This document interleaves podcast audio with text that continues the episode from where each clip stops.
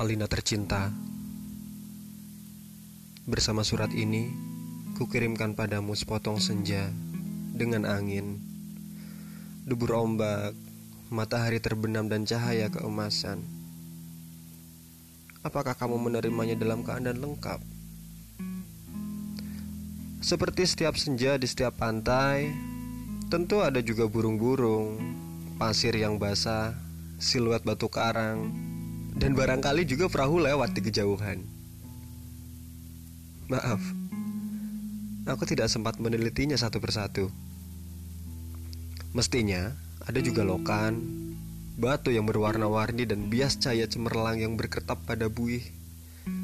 Yang bagikan impian selalu saja membuat aku mengangankan segala hal yang paling mungkin bisa kulakukan bersamamu Meski aku tak tahu semua itu akan tetap tinggal sebagai kemungkinan yang entah kapan menjadi kenyataan.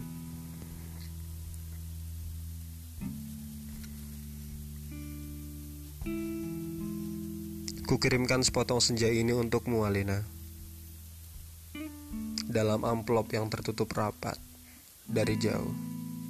Karena aku ingin memberikan sesuatu yang yang lebih dari sekedar kata-kata. Sudah terlalu banyak kata-kata di dunia ini, Alina. Dan kata-kata ternyata tidak mengubah apa-apa. Aku tidak akan menambah kata-kata yang sudah tak terhitung jumlahnya dalam sejarah kebudayaan manusia, Alina. Untuk apa? Kata-kata kata-kata tidak ada gunanya dan selalu sia-sia. Lagi pula siapakah yang masih sudi mendengarnya? Di dunia ini, semua orang sibuk berkata-kata tanpa peduli apakah ada orang lain yang mendengarnya. Bahkan, mereka juga tidak peduli dengan kata-katanya sendiri. Sebuah dunia yang sudah kelebihan kata-kata tanpa makna. Kata-kata sudah luber dan tidak dibutuhkan lagi. Setiap kata bisa diganti artinya, setiap arti bisa diubah maknanya. Itulah dunia kita, Alina.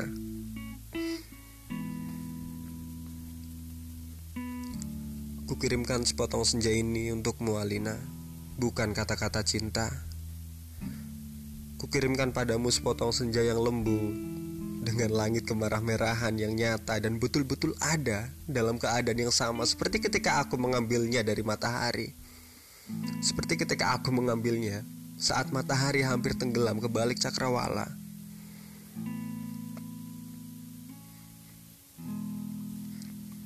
Alina yang manis Alina yang sendu. Akan kuceritakan padamu bagaimana aku mendapatkan senja itu untukmu.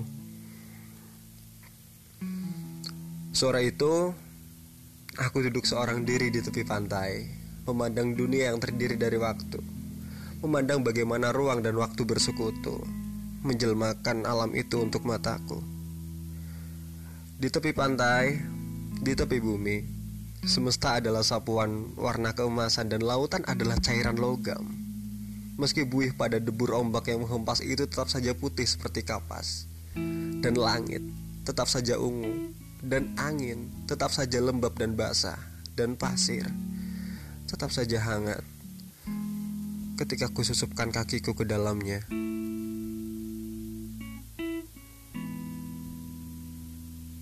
Kemudian Tiba-tiba senja dan cahaya gemetar.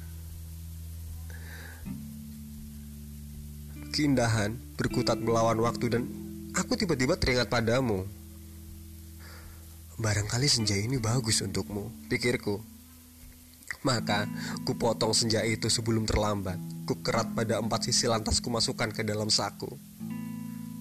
Dengan begitu keindahan itu bisa abadi dan aku bisa memberikannya kepadamu. Setelah itu aku berjalan pulang dengan perasaan senang.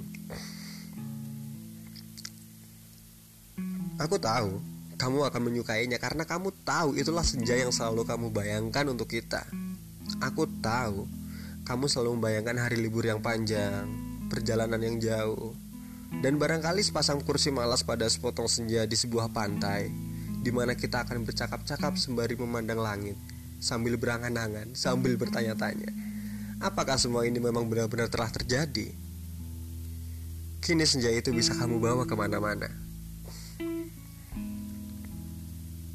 Ketika aku meninggalkan pantai itu, kulihat orang-orang datang berbondong-bondong. Ternyata mereka menjadi gempar karena senja telah hilang. Kulihat uh, cakrawala itu berlubang sebesar kartu pos.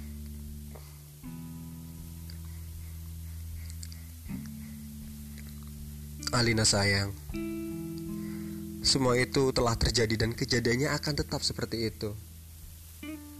Aku telah sampai ke mobil ketika di antara kerumunan itu kulihat seseorang menunjuk-nunjuk ke arahku.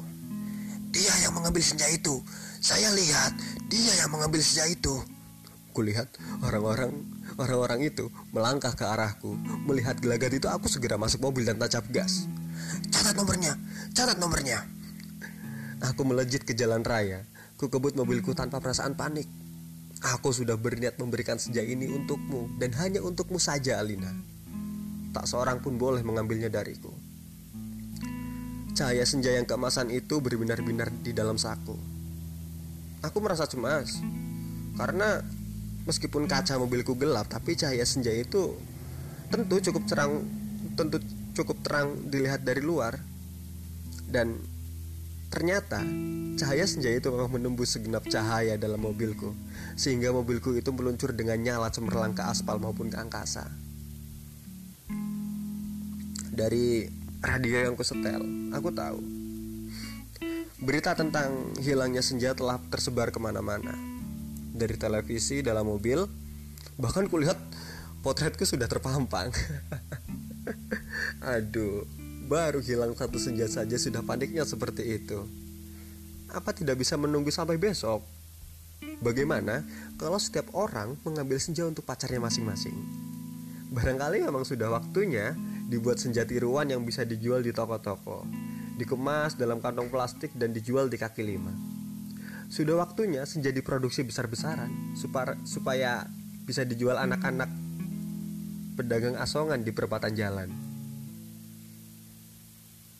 Senja-senja cuma seribu tiga Di jalan tol Mobilku melaju masuk kota Aku harus hati-hati Karena semua orang mencariku Sirene mobil polisi meraung-raung di mana-mana. Cahaya kota yang tetap gemilang tanpa senja membuat cahaya keemasan dari dalam mobilku tidak terlalu kentara. Lagi pula di kota, tidak semua orang peduli apakah senja hilang atau tidak. Di kota, Kehidupan berjalan tanpa waktu. Tidak peduli apakah itu pagi, siang, sore, atau malam. Jadi tidak pernah penting senja itu ada atau hilang. Senja cuma penting untuk turis yang suka memotret matahari terbenam. Boleh jadi hanya demi alasan itulah senja yang kubawa ini dicari-cari polisi. Sirene mobil polisi mendekat dari belakang. Dengan pengeras suara, mobil itu memberi peringatan. Pengemudi mobil Porsche abu-abu metalik nomor SG1965A harap berhenti. Ini polisi. Anda ditahan karena dituduh telah membawa senja. Meskipun tak ada ada meskipun tidak ada aturan yang melarangnya, tapi berdasarkan berdasarkan apa? Aku tidak sudi mendengarnya lebih lama lagi. Jadi kulibas dia sampai terpental keluar pagar tepi jalan. Ku tancap gas dan menyalip-nyalip dengan lincah di jalanan. Dalam waktu singkat, kota sudah penuh raungan sirene polisi. Telah terjadi kejar-kejaran yang seru. Tapi aku lebih tahu seluk-beluk kota. Jalanan dengan cahaya yang bermain warna, ganggang gelap yang tidak pernah tercatat dalam buku alamat, lorong-lorong rahasia yang hanya diperuntukkan bagi orang-orang bawah tanah. Satu mobil terlempar di jalan layang, satu mobil lain tersesat di sebuah kampung dan satu mobil lagi terguling-guling menabrak truk dan meledak lantas terbakar. Masih ada dua polisi bersepeda mengejarku. Ini soal kecil. Mereka tak pernah bisa mendahuluiku. Dan setelah kejar-kejaran beberapa lama, mereka kehibas, mereka kehabisan bensin dan pengendaranya cuma bisa memaki-maki. Kulihat senja dalam saku bajuku masih utuh. Hanya berdisir angin, langit semburat ungu, debur ombak menghempas ke pantai. Hanya pada mula senja ini kuserahkan Alina.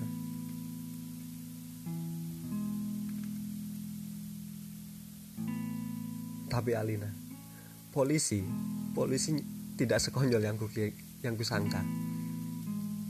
Di segenap sudut kota, mereka telah siap siaga. Bahkan aku tidak bisa membeli makanan untuk mengisi perutku. Bahkan di langit tanpa senja, helikopter mereka menyorot lampu di setiap celah gedung bertingkat. Aku tersudut dan akhirnya nyaris tertangkap.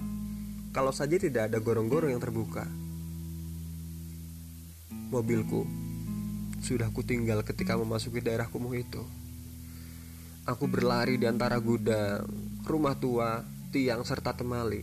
Terjatuh di atas sampah, merayapi tangga-tangga reot sampai seseorang gelandangan menuntunku ke satu tempat yang tidak akan pernah kulupakan dalam hidupku. Masuklah, katanya tenang. Di situ kamu aman. Ia menunjuk gorong-gorong yang terbuka itu. Ada tikus keluar dari sana. Baunya bacin dan pesing. Ku tengok ke bawah, Kulihat kelelawar bergelantungan. Aku ragu-ragu, namun dari helikopter yang lampu sorotnya yang mencari-cari itu melenyapkan keraguanku. Masuklah, kamu tidak punya pilihan lain. Dan gelandangan itu mendorongku. Aku terjerembab jatuh, bau busuknya bukan main. Gorong-gorong itu segera tertutup dan ku dengar gelandangan itu merebahkan diri di atasnya. Lampu sorot helikopter menembus celah gorong-gorong tapi tidak cukup untuk melihatku. Kuraba senja dalam kantongku. Cahayanya yang merah keemas-emasan membuat aku bisa melihat dalam kegelapan. Aku melangkah ke dalam gorong-gorong yang rupanya cukup tinggi. Kusibukan kusibakan kelelawar yang bergelantungan entah mati entah hidup itu. Kulihat cahaya putih di ujung gorong-gorong. Air busuk mengalir setinggi lutut. Namun makin ke dalam makin surut. Di tempat yang kering kulihat anak-anak gelandangan duduk-duduk maupun tidur-tiduran. Mereka berserakan, memeluk rebana dengan mata yang tidak memancarkan kebahagiaan. Aku berjalan terus, melangkahi mereka dan coba bertahan. Betapapun ini lebih baik daripada aku harus menyerahkan senja ini untuk Mualina. Maksudku, betapapun ini lebih baik daripada harus menyerahkan senja ini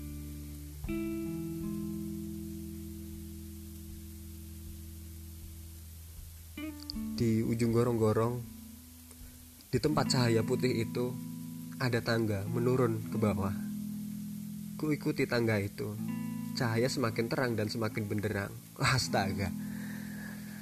Kamu boleh tidak percaya Alina, tapi kamu akan terus membacanya.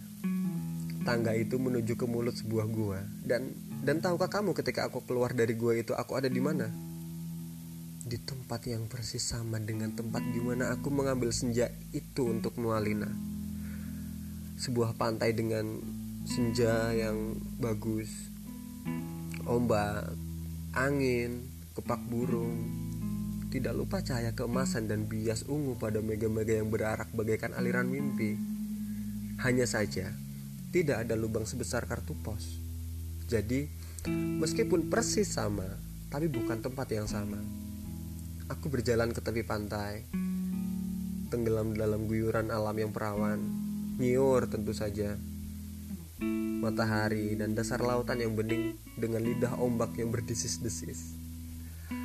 Tidak ada cottage, tidak ada barbecue, tidak ada marina. Semua itu memang tidak perlu. Senja yang bergetar melawan takdir membiaskan cahaya kemasan ke tepi semesta. Aku sering malu sendiri melihat semua itu, Alina. Apakah semua itu mungkin diterjemahkan dalam bahasa? Sambil duduk di tepi pantai, aku berpikir-pikir, untuk apakah semua ini kalau tidak ada yang menyaksikannya?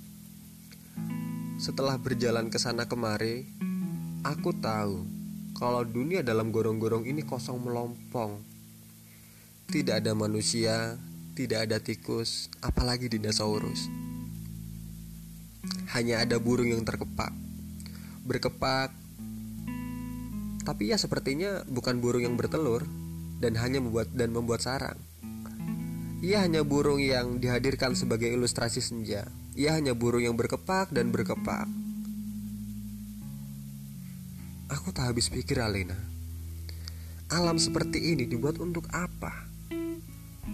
Untuk apa senja yang bisa membuat seseorang ingin jatuh cinta itu jika tidak ada seekor dinosaurus pun yang menikmatinya?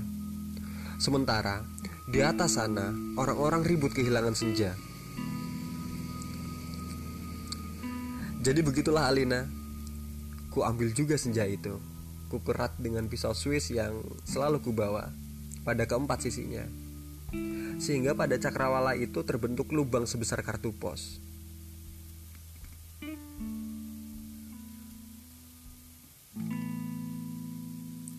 Dengan dua senja di saku kiri dan kanan, aku melangkah pulang. Bumi berhenti beredar di belakangku, menjadi kegelapan yang basah dan bacin. Aku mendaki tangga itu kembali menuju gorong-gorong bumiku yang terkasih. Sampai di atas, setelah melewat setelah melewati kelelawar bergelantungan, anak-anak gelandangan berkaparan, dan air setinggi lutut, kulihat polisi-polisi berhelikopter itu sudah pergi. Gelandangan yang menolongku sedang tiduran di bawah tiang listrik sambil minum saksofon. Aku berjalan mencari mobilku. Masih terparkir dengan baik di supermarket. Nampaknya bahkan baru saja dicuci. Sambil mengunyah pizza, segera aku kebut mobilku menuju pantai.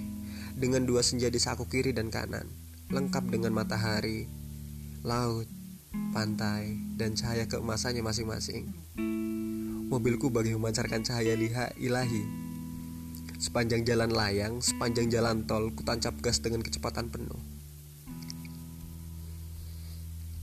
Alina kekasihku, pacarku, wanitaku.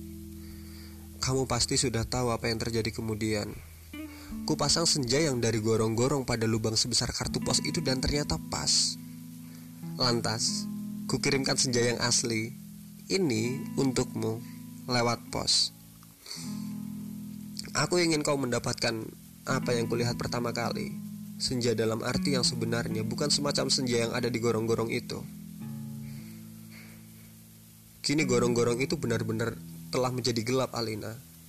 Pada masa yang akan datang, orang-orang tua akan bercerita pada cucunya tentang kenapa gorong-gorong menjadi gelap mereka akan berkisah bahwa sebenarnya ada alam lain di bawah gorong-gorong dengan matahari dan rembulannya sendiri. Namun semua itu sudah tidak ada lagi karena seseorang telah mengambil senja untuk menggantikan senja lain di atas bumi. Orang-orang tua itu juga akan bercerita bahwa senja yang asli telah dipotong dan diberikan oleh seseorang kepada pacarnya.